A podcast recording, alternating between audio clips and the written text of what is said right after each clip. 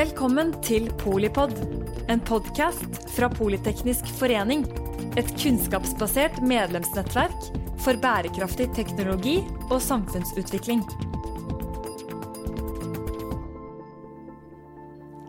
Hjertelig velkomne til alle dere som lytter til Polipod og denne episoden om skjæringspunktet mellom energi, klima og teknologi. Viktig for Norge, viktig for verden.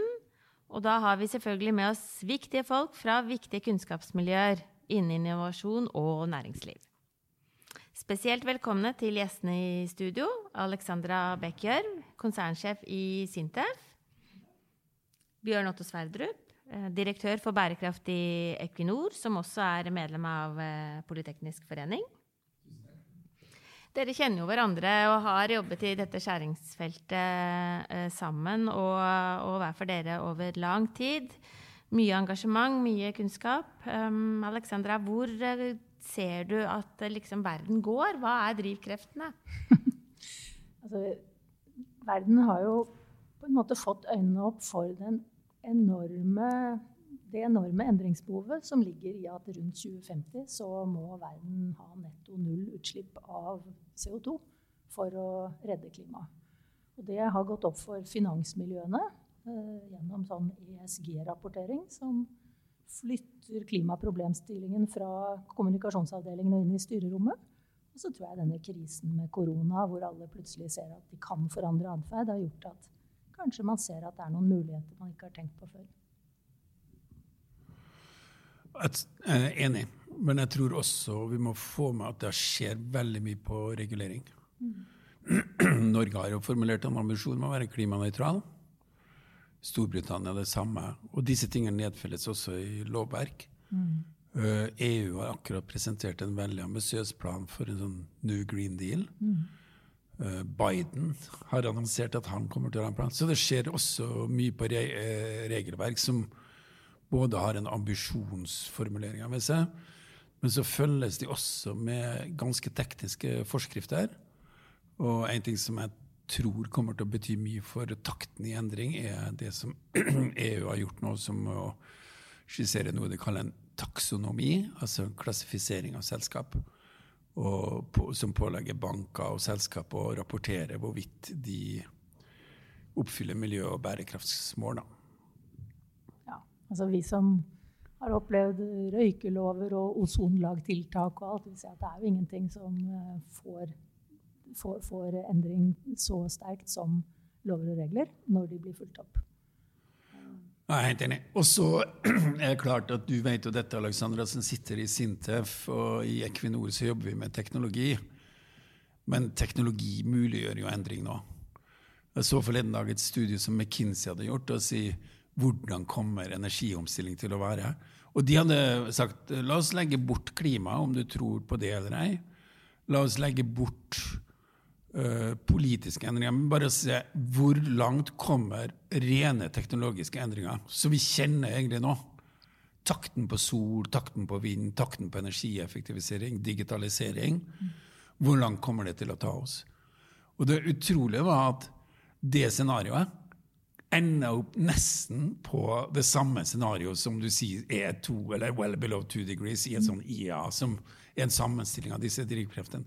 Så teknologi er også en veldig viktig drivkraft, selvsagt. Ja, nei, det, det har du helt rett i. Og det er klart at bare med elektrifisering, altså den enorme energibesparelsen eh, Jeg så et regnestykke hvor de sa det at hvis du tar hele Norges oljeproduksjon og hele Norges vesentlig mindre kraftproduksjon, så kan du faktisk kjøre lenger på en elbil ut fra norsk kraft enn du kan kjøre den samme bilen på olje. Så det er jo ca. en femtedel. Da. 20 eh, eller 80% energieffektivisering. Ja, Og hvis du kan lade raskere med nye legeringer, f.eks., som gjør at du mm. Så jeg tror det er vanskelig egentlig å forestille seg hvor fort disse omstillingsprosessene kan gå. Mm. Hvis vi bare tar flytter oss tilbake et år tilbake, f.eks., og se hvor mye egentlig som har endra seg i holdninger og ting, så er det veldig spennende tider. Ja, går det raskt? I år har det rast av gårde. Vi har vist at vi har eh, kunnet eh, snu oss raskt. Altså, vi snakker jo om et globale problem. Og, og, da tror jeg det er veldig viktig å ha et globalt perspektiv også. Og i det perspektivet så er veldig store tempoforskjeller i ulike geografier. Så mens vi i Norge kanskje har opplevd uh, rask omstilling, så er det andre deler av verden som der omstillingen går langsommere og møter mange mye mer motstand eller mindre endringskapasitet også. I Norge, eller jeg ville nesten sagt hele Nord-Europa, er nå klart at nesten alle jobber for å endre samfunnet vårt. Mm. Eh, og da særlig egentlig energi, måten vi forbruker energi på. Du møter jo ungdomsmiljøene kanskje i eh, veldig stor grad. Og, og, fremtidens kompetanse i forhold til eh, raske endringer. Da. Har du sett noe Hva ser du i eh, krystallkulen fremover? Det omstillingsbarometeret til Abelia kommer jo ut i dag, tror jeg. Hvor man jo peker på at liksom, både søkning til og tilbud av entreprenørskapsutdanning f.eks. har jo gått helt i taket spisskompetanse er jo Norges utfordring. At det er færre som utdanner seg til spisskompetente mm. realister. Det er vi i Sintef veldig bekymret for. Fordi eh, det blir jo et race om, om, å ha de aller, aller beste hodene innenfor tunge teknologifag. Og det, der håper jeg Politeknisk forening gjør sin, fortsetter å legge skulderen til, for det, det er helt avgjørende. Jeg er så heldig at jeg er med i styret i NTNU. Mm. Jeg har ikke gått det selv, men jeg syns det er veldig spennende. Og vi har jo opplevd rekordmange søkere til eh, NTNU. Men en ganske stor skift i hvilke fagfelt mm. som er omsøkt. Så f.eks. de eh, klassiske petroleumsfagene og petroleumsteknologi de har hatt en ganske stort fall de senere år. Det er ikke blitt snudd nå. Mens eh, søken til både Altså, de mer bærekraftsrelaterte fagene har gått veldig høyt opp. Det, men det som vi er opptatt av fra Equinor, da, er igjen det, egentlig det samme som Alexandra sier. Hvor fundamentalt viktig det er at uh, unge mennesker også går til basisfagene. Matematikk og fysikk og realfag. Mm. Fordi uh, de som skal drive energiomstilling særlig, det krever denne grunnleggende kompetansen. Mm vi som rekrutterer veldig mange teknologer, uh, men er ekstremt oppdragsfinansiert. Da. Vi må være omstillingsdyktige, sånn at når oljen går ned, så må vi finne andre ting å sysselsette våre teknologer med, eller, eller, eller ja, nedbemanne. Sånn at vi har nå laget mye større enheter med mer fokus på tverrfaglig utnyttelse av kompetansen enn å rekruttere f.eks. ensidig til Sintef Petroleum. Uh, og så har vi gjort en gjennomgang av hele porteføljen vår rundt hvem som jobber for oljebransjen med oljerelaterte spørsmål. Og vi ser at det er så godt som ingen avdelinger i Sintef som bare jobber mot oljesektoren. De som jobber med marine operasjoner, de som jobber med eh, roterende utstyr, de som, som alle har på en måte anvendelse og tung erfaring og egentlig finansiering fra eh, tradisjonell oljesektor har klart å utvide sin eh, markedsrelevans og overfører, om det er kunstig intelligens fra reservoarsimulering til kule startups innenfor eh, bærekraftig byutvikling f.eks. Så vi ser veldig skift der. Forsøk å forstå det du sier nå. men jeg synes det var interessant. Er det sånn at Ved første øyekast så virker det kanskje som en veldig stor forskjell ja. mellom de petroleumsrelaterte virksomhetene Sintef, da, mm. bærebjelke i hele utviklinga av Olje-Norge, egentlig, Eh, og, og, mot det nye. Men hvis du kikker mer kompetansemessig på det, eller kikker med en disiplinmessig, liksom. disiplinmessig ja, mm. så ser man at det er en større endringskapasitet der enn man tror. Hva, hva ja, det er, det er det vi opplever. altså at Vår portefølje har jo andelen olje og gass sunket betydelig. Altså oppdragsmengden? Oppdragsmengden siden 2014. Uh, eh, og så har samtidig vi klart å vokse. Og det er jo fordi de samme flinke menneskene har klart å spenne ut sitt, uh, sitt tilbud av kompetanse til andre næringer. Det er jeg kjempeglad for. Ja. Jeg synes det er interessant å høre, fordi i Equinor så har vi jo hatt liksom, tradisjon for å bygge ut olje- og gassfelt primært. ikke sant? Men i de senere så har vi begynt å bygge ut ganske mye, mange fornybarprosjekt. særlig innenfor offshore vind. Og det interessante er at det er den samme kompetansen som vi kan trekke på. Om det er utbyggingskompetanse eller det å finne ut hvordan du skal bygge fundament eller installering eller drifte effektivt eller med digitale løsninger. Så det er kanskje bare noen hundre mennesker som jobber med fornybar i forretningsområdet i Equinor. Mens det er kanskje 2000 som skriver timer på det. Så det er veldig interessant å se. Det sier litt om kapasiteten. da. Kan du ikke fortelle litt om de, eh, hva dere konkret gjør? Altså både sånn kompetanseoverføring, men, men, hvilke prosjekter er det Ja, Jeg syns det er interessant å snakke om prosjekt, fordi um, handling sier enda mer enn ord. da. Så det vi gjør nå, faktisk er det største prosjektet Equinor har i, i Nordsjøen, det største utbyggingsprosjektet vårt, er et fornybarprosjekt. Det heter Doggerbank. Det ligger på en grunne ute i Nordsjøen, på britisk side. da. Men det prosjektet skal vi bygge ut med uh, vindturbiner til havs. Disse store. Altså de eh, Lengden på et sånt rotorblad er nesten like lang som en fotballbane. Um, de er nesten 250 meter høy. Og vi skal ha hundrevis av dem. Uh, Samla sett så vil uh, det kunne produsere elektrisk, elektrisiteten til 4,5 millioner husholdninger i Storbritannia. Så det er um, vårt største prosjekt, men det er også verdens største fornybarprosjekt. Og det, har også, det bygger vi ut sammen med en skotsk partner. Og, og vi Jeg tror du Alexandre, var involvert en gang. Vi det var vi som fikk, uh, fikk, lisensen, og, så det er veldig kult av det. og potensialet i dette området er enda mye større enn det jeg sier nå. I USA gjør vi nesten det samme. Vi bygger ut utenfor New York eh, City da, eh, det første virkelig store hav offshore vind-prosjektet i USA så har vi sikra retten til å gjøre det samme utenfor eh, Boston og en del andre områder. Så det er en veldig opptrappingsfase som kommer nå for vår uh, fornybarsatsing. Jeg syns det er spennende å høre og bli veldig opprømt over det Bjørn sier. For da jeg begynte å jobbe med dette i 2005, så da jobbet jeg i Statoil, som det het den gangen, så var det jo en veldig sånn make or break-situasjon. Kom det til å bli noe offshore vind i det hele tatt? For det var jo så dyrt. Og da hadde de hatt en del problemer med salt, korrosjon, girproblemer, som gjorde at det var bare én leverandør av turbiner som var villig til å hm. selge til offshore vindprosjekter. Og det var jo en så stor risikofaktor at mange vurderte at det er ikke et område vi kan satse på når det bare er én leverandør. Mens i dag er det jo et av de raskest voksende områdene og liksom en, en sikker vinner i fornybar. Ja. Og, og, da, og, da, blir det jo også spennende å se hva som skjer med flytende havvind, som ja, så jeg er helt enig, fordi jeg tror det har vært enorme teknologiutviklinger her som har løst de problemene som du pekte på. Så bare lyst til å si, Grunnen til at havvind er så interessant, er jo at du har en helt annen skala.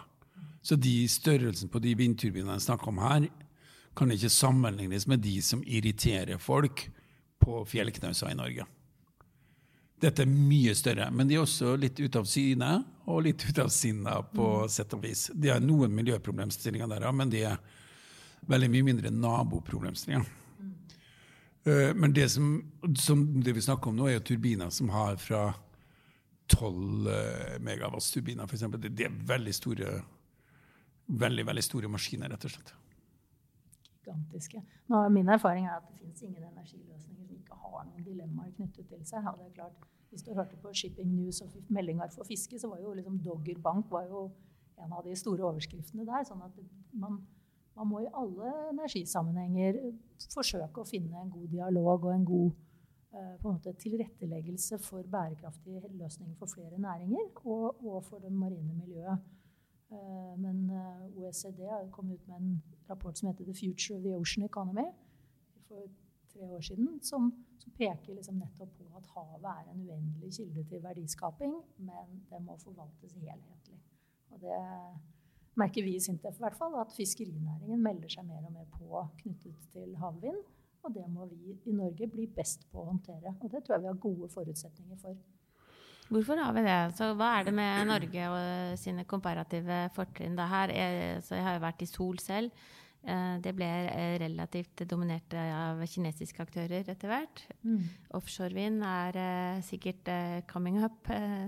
Så hva har vi av komparative fortrinn, og hvordan utnytter vi dem for vår egen konkurransesituasjon? Altså jeg tror jo at vi er et samfunn som i veldig stor grad søker omforente løsninger. At vi har en god kultur for samarbeid på tvers av potensielle interessemotsetninger. Eh, vi ser det på industri, vi ser det på energiutbygging, vi ser det på lønnsdannelse. Altså trepartssamarbeid og mangepartssamarbeid er vel et av, en av våre paradegrener, og noe som, som jeg tror gjør at vi vil eh, at jeg, jeg, mener jo at Norge bør søke å få en enda større andel av den veksten som vil komme veldig mye utenfor Norge da, i, i fornybar energiutbygging. Om det er vind til lands eller til havs, eller sol til lands eller til havs. At vi har selskaper som er flinke på stakeholder management, det er det ikke noe tvil om. Ja. så I tillegg til denne at man har en tradisjon for en slags helhetlig og kunnskapsbasert ressursforvaltning. Med, I Norge har en tradisjon fra, fra fiskeri til uh, ressursforvaltning og miljø og impact analysis osv. Det, dette kan norske myndigheter være veldig stolt av. Og så har man gjennom det opplært organisasjoner og selskap til å være i en dialog. Og, men når det er problem, forstå liksom. problem og ta hensyn og prøve å finne løsninger. Der ressurs, naturen må både vernes, men også kunne brukes til verdiskaping. Og så har vi noen fortrinn knytta til kunnskap og kompetanse som vi, vi, Hvis du er på Vestlandet, så skjønner du det her mye bedre enn når du sitter i en slags kontor inne i Oslo, som man kan si, fordi den lange historien i Norge er knytta til skipsfart og det maritime. Mm. Og det er klart, eh, her når Da snakker man om å være til sjøs, bygge installasjoner til sjøs, eh, drifte, eh, installere ting og det er ikke for ingenting at vi har hatt verdens største skipsflåte. Vi har en ledende fiskeriflåte. Men vi har også verdens største virksomhet med energiproduksjon til havs. Eh, sånn at eh, her ligger det veldig mye kompetanse. Og det er ikke så mange andre som um, kan så mange triks da, som uh, nordmenn gjør, og greier å gjøre det på en effektiv og smart måte. Samtidig så tror jeg at vi må også begynne å virkelig ta grep for å sikre det lederskapet i en sånn fulldigitalisert frem, fremtid. Uh, altså jeg tror det kommer til å skje en liksom Hele verdikjeden for, for utbygging av prosjekter er jo basert på at folk sitter og skriver timer, og jo flere timer, jo bedre blir det. Det å finne på en måte digitale samhandlingsmåter rundt utbygging, rundt uh, drift uh, altså jeg, jeg, tror det kommer til å skje ufattelig mye. og og at vi i Norge må gripe mulighetene til å ta lederskap innenfor, innenfor de områdene hvor vi er sterke allerede, og få en sterk leverandørindustri eh, på digital tjenesteyting eh, på disse områdene tror jeg er helt avgjørende. Ellers så forsvinner liksom litt av makta og kompetansen. Vi kommer til å jobbe på en helt annen måte. Kommer til å jobbe på en annen måte. Og hvis jeg kan få lov til å peke på det, i og med at vi snakker også liksom om hva er Norges rolle her, så tror jeg vi, det, det, vi, vi trenger fornybarprosjekt i Norge. Det er klart at Vi har jo sikkert en av verdens beste vindressurser til havvind. Uh, nå bygger vi ut Hywind Tampen. Uh, vi håper at vi kan få lov til å være med å bygge ut to andre områder i Norge, men vi trenger en slags forutsigbarhet på det. Det er ikke der nå. Og det andre er at mens vi tidligere kanskje har vært veldig gode på skreddersøm, laga spesifikke løsninger for enkeltprosjekt, unike utfordringer Alle husker kanskje Ormen Lange som man greide å håndtere store garasjer og helt unike liksom undersjøiske problemstillinger. Hvis vi skal lykkes innenfor fornybar, så må vi tenke mye mer eh, serieproduksjon, uh, smarte konsept, uh, standardisering, digitalisering, som Alexandra sier. Så det er noen sånne mentale skift som kanskje ikke umiddelbart er vår styrke. Men datamengdene vi, vi har, eh, burde jo gi oss eh, samme si, fortrinn, da. I, altså offshore datamengdene våre er jo liksom burde være egnet for å skape nye eh, Hva tenker du på når du sier data? At vi sitter på så mye eh, informasjon som, eh, som eh, kan utnyttes kommersielt og gjennom mer Enten det er kunstig intelligens eller, eller mer effektive jeg, jeg tror prosesser. at vi har kunnskapsmiljøer som evner å gjøre det. Altså, vi ser en av de, Det største prosjektet vi har, da, det er utbygging av det som heter Ocean Space Center, som er nye hydrodynamiske laboratorier i Trondheim til erstatning for det gamle havbassenget. Og så kan man si ja, men kan vi ikke bare simulere det i fremtiden? Men det er en del ting knyttet til hav og vind og måte, komplekse fysiske systemer som er noe av det vanskeligste å, å fulldigitalisere. Men hvor den kombinasjonen av digital kompetanse og på en måte, fysisk modellforståelse, uh, som vi sitter på innenfor uh, havnæringene bl.a., er, er noe som jeg tror gir oss et fortrinn. Eh, men det må utnyttes. Men da er vi inne på hav, ikke bare energi, men til som fremtidens rolle i transport, f.eks., eller matproduksjon. Og, mm. Så det er jo en, sant, et, en stort uh, enormt potensial egentlig for ja. økonomisk verdiskaping, mm. men også for å bedre ressursforvaltning og miljø.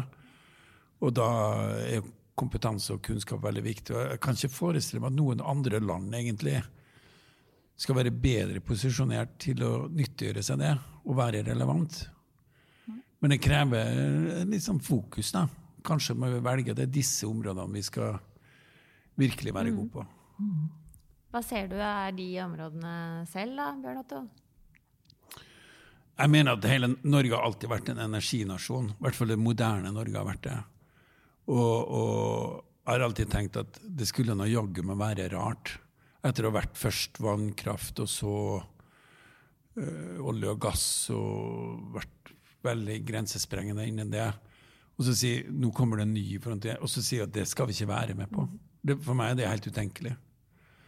Så, så energi mener jeg er veldig viktig. Og så er det klart, innenfor eh, både transport, men også eh, mat og økosystem og nye næringskjeder. tenker Vi er jo giganter innenfor akvakultur. og Det er jo veldig begrensa nå hvor mye den kan vokse, fiskerinæringa. Eh, enten den naturlige fisket, men også oppdrett pga. areal. Og løsninga ligger jo sannsynligvis lenger til havs, da, og da krever det teknologiløsninger og evnen til å utnytte liksom, uutnyttede arter i dag. Så det er jo kjempemye der. Jeg vil si liksom, mat, energi og materialer. Vi har en veldig sterk prosessindustri, en ener energikrevende, altså eh, energiforedling, eh, som, som, gjør at eh, f.eks. også innenfor batterier er det jo noen spennende initiativ i Norge i dag. Der har vi vært treigere til å komme i gang, men jeg mener at vi har en kompetansebase og en energiforsyning som, som, gjør Norge til et veldig attraktivt sted å, å utvikle en hel verdikjede for batterier. Det, det, er det flere nå heldigvis som har grepet fatt i. Det er et spennende forskningsområde. Og også utvikle en sirkulær verdikjede for mm. batterier. Det er klart at det er mange materialer der som kommer til å være en flaskehals i utviklingen av energisystemet hvis ikke man både finner nye kilder til disse materialene, f.eks. under havet, da, kanskje, eller på land i Norge. Vi har jo også fantastiske ressurser på land, men vi vet hvor vanskelig det er med sånne gruveprosjekter i Norge. Eh, men også på gjenvinning. Vi har jo store EU-prosjekter på gjenvinning av materialer. Um, og bruk av bistrømmer fra norsk mm. industriproduksjon til materialfremstilling. Ja, jeg er enig. Både batteri og materiale er interessant. Det kan kanskje høres litt ut som science fiction å snakke om en slags eh, skal jeg si, gruvedrift eller metallvirksomhet på havbunnen. Men, men, eh, det er jo egentlig i ferd med å bli et, eh, en industri som åpner seg. Og i Norge er jo igjen veldig heldig. Det finnes to typer så vidt jeg har forstått, av sånne havbunnsmineraler. Det ene er noe som kalles sånne polymetalliske noduler på store vanndyp. Som er liksom små som poteter, om du vil, som, som ligger på havdyp. Vi har ikke de. De ligger i Stillehavet. Men så finnes det disse polymetalliske sulfidene som kommer opp i Der du har rifter i, i, i planeten, om du vil. da. eller jordkloden. Og der i skorpa, og da går det vann ned, og de trekker seg på danne sånne søyler som er veldig metallrike, med spennende metaller i. Og som ett av de få land i verden har Norge som. Og da er spørsmålet går det an å se for seg at man kan utvinne disse på en miljømessig forsvarlig måte, og skape grunnlag for spennende industri. Det syns jeg er veldig spennende. Men det, det trengs mer kompetanse. Jeg syns det er kjempespennende, og, og, det minner veldig om den diskusjonen som var med vind, og, vind på land og offshore vind for noen, mm. for noen, år siden, hvor de fleste av oss tenkte at når du, når du kan bygge vindmøller på land til en brøkdel av kostnadene av offshore vind, så hvorfor ikke gjøre det? Så ser vi jo hvor krevende det er, og hvor store mengder som trengs. Eh, så jeg syns det er utrolig spennende eh, konseptuelt. men så er det noen områder hvor, hvor ting viser seg å ta utrolig lang tid, og liksom hvor, hvor, det at det er mulig, og at det fins altså, Det er jo både mineraler og energi fins det jo i søkk og kav. Men det er evnen til å fange det på en konkurransedyktig eh, måte og, og akseptabel måte som setter begrensninger. Men jeg synes Noen av de tingene vi har snakka om i dag, ikke sånn, enten tenk omkring kompetanse eller hvordan det nye partnerskap på det, eller hvordan eh, det kanskje står ved terskelen ved noen nye industrikapittel, om du vil. da.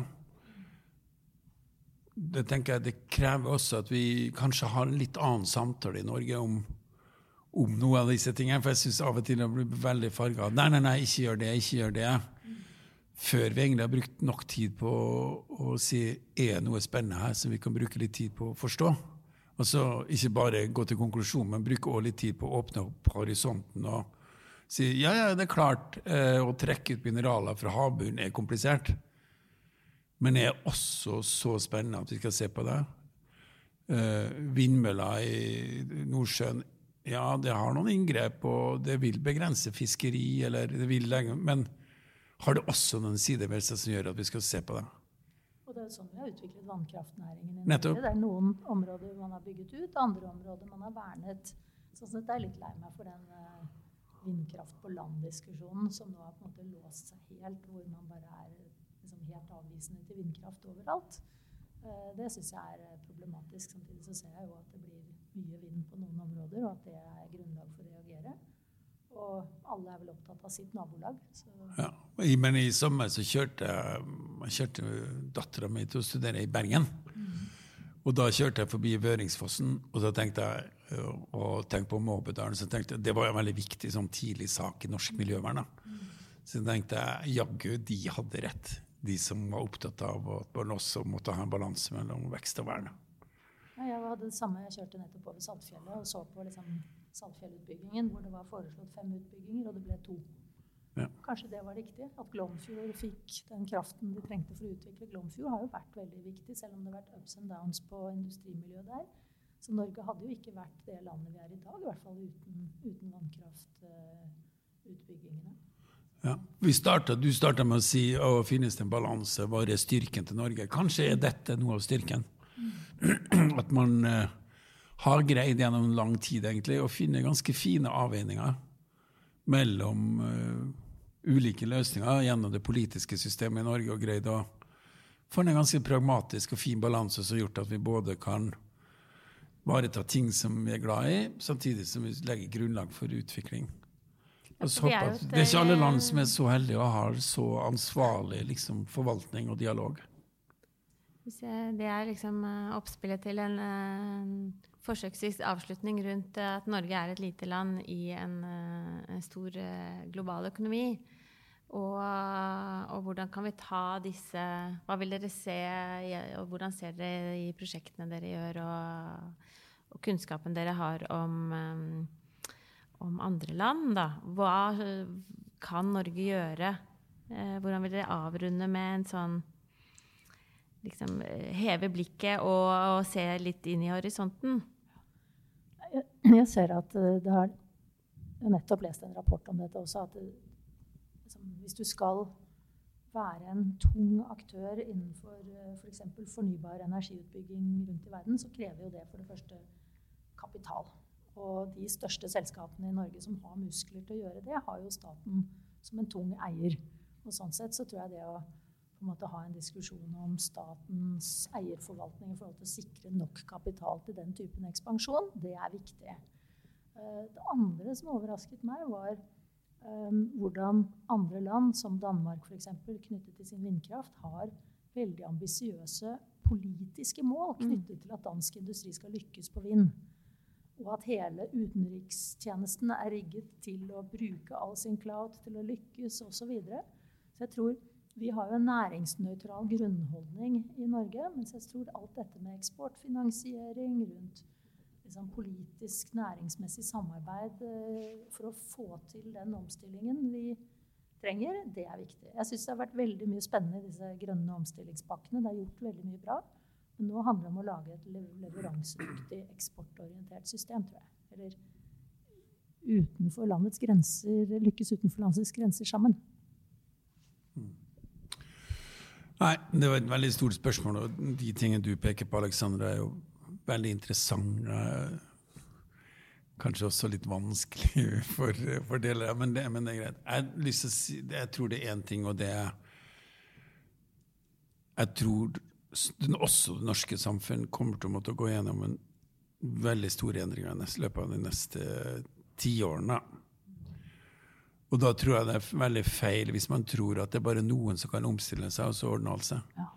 Men det, det, er en slags erkjennelse at vet du hva, vi er sammen i dette.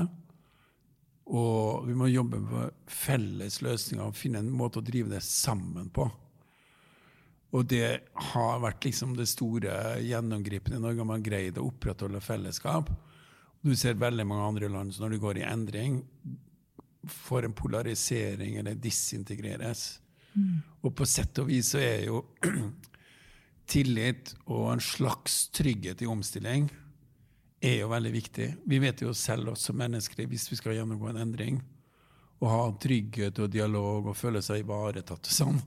Men jeg, jeg, jeg, tror det er et eller annet med men det er noe, liksom, Dette store, da, om vi-et som må bli noe annet over tid, det tror jeg er veldig viktig å holde fast ved. Og prøve å klare å tenke at verden blir så annerledes. At vi må prøve å skape noen felles visjoner. Og da vil kanskje ungdommene, som vi begynte samtalen om, være viktige f.eks. innenfor Vi skal bruke 1000 milliarder kroner på Nasjonal transportplan på å bygge ut infrastruktur. Og det vi legger til grunn i dag, er jo egentlig dagens transportsystem. Ja. Mens før den infrastrukturen er på plass, vil jo transportsystemet være helt annerledes. Ja. Da kan jeg få lov til å ta en anekdote der. I sommer hørte jeg på en podkast om månelandinga. Og det som ikke jeg var klar over, Alle vet at månelandinga var et enormt forskningsprosjekt for USA. Men de brukte 4% av all public spending i USA på det. Og hvor gamle var de som satt i kontrollrommet, flight control, når de skulle bestemme skal the eagle land or not? Gjennomsnittsalder 27 år. Og da satt det 23-åringer som tok beslutninga land eller ikke land. Og så skjønner jeg, Gjennomfør det kjempeprosjektet eller ei. Og da sa de at det var unge mennesker som fikk sjansen til å være med å forme det og ta beslutninger på det. Og det de gjorde, har endra hele vår måte å tenke om, om, computing og data og fly og alt sammen. Sånn at det å la unge slippe til, ikke bare ved at de får mene ting, men at de også blir ansvarliggjort for å drive noen prosesseren, har jeg veldig tro på. Hmm. Det høres ut som en oppfordring til alle som eh, føler seg truffet, vil jeg si. ja, ja, ikke sant? Ja, ja, nei, Vi sitter jo rundt bordet her og føler oss truffet, og det er ganske sånn stort leap of faith. Uh, mm. og, og, som leder for en stor organisasjon da, med 2000 mennesker, så er det liksom hvordan lykkes du med det i et arbeidsliv? Hvordan får du liksom, de unge i posisjon og samtidig ivareta de som er eldre? Det kan være en ny podkast. Tør du å gi liksom en 25-åring stort ansvar, liksom? Vi har 25-åringer som har kjempestort ansvar overfor kundene. Vi jobber jo veldig prosjektrelatert, ja. men jeg har ingen 25-åringer i, i, min ledelse. Kanskje Nei, jeg tror i Equinor, for eksempel, så vi prøver jo det. Mm. Men, men, hvis du kikker rundt om, så er jo sånn som nesten alle gjennomsnitt i alle organisasjoner i Norge gjennomsnittsalder er 42 år. eller noe. Så, sånn at uh, men jeg tror hvis vi går tilbake til Politeknisk forening og Hydro og sånn Den som bygde ut Rjukanfossen, Han var hvor gammel? Var 27. 27 år. 27 år. Han hentet inn eh, kapital tilsvarende fem statsbudsjett eh, i én smæle. Ja, ikke sant? Så han hadde ting, fikk til kapital, som vi snakka om. Han hadde mot, men han hadde sikkert også utmerket utdannelse. Grunnleggende kunnskap om hvordan du bygger og driver et prosjekt og gjennomfører. Og så er jo eh, alder ikke bare et tall. eh, Ikke sant? Det handler jo også om kompetanse du tilegner deg eh, når du er over 27 også. Tenker jeg, i forhold til å, å, å sørge for at egen kompetanse henger med, da. Ja, noen av de mest inspirerende kollegene jeg har hatt, de har vært over 70 år. Og vært mm. de mest kreative kollegene jeg har hatt. Så det går litt Jeg er enig, og, og ikke forstå meg dit hen at jeg ikke mener at eh, personer med grått hår og over 50 har noe betydning eller relevans, men, men jeg tror også Det går like gjerne å si det er kjempeviktig, men kanskje også yngre mennesker skal få oppleve da, at de har et ansvar mye tidligere enn det de tror. Spennende. Jeg tror eh, altså The future so bright, eh, hvis man ser til ungdommen. Og jeg tror vi skal komme tilbake til akkurat eh, hva det er sånn organisasjonsmessig og, og kanskje utdanningsmessig i forhold til å, å gjøre den endringskapasiteten vi har, liksom operasjonell, da, ut i næringsliv og forvaltning. Det er jo egentlig, som du sier, Alexandra, et, et eget tema. Tusen hjertelig takk, begge to. Bjørn Otto Sverdrup, eh, direktør for bærekraft i Equinor. Alexandra Bekkjørv, konsernsjef i Sintef. Og tusen takk til deg som eh, lytter, enten du går eller står eller hvor enn du er. Polipod eh, holder deg litt mer oppdatert, og enten du er ung eller gammel. Så Takk for at vi fikk være med. Takk skal du ha.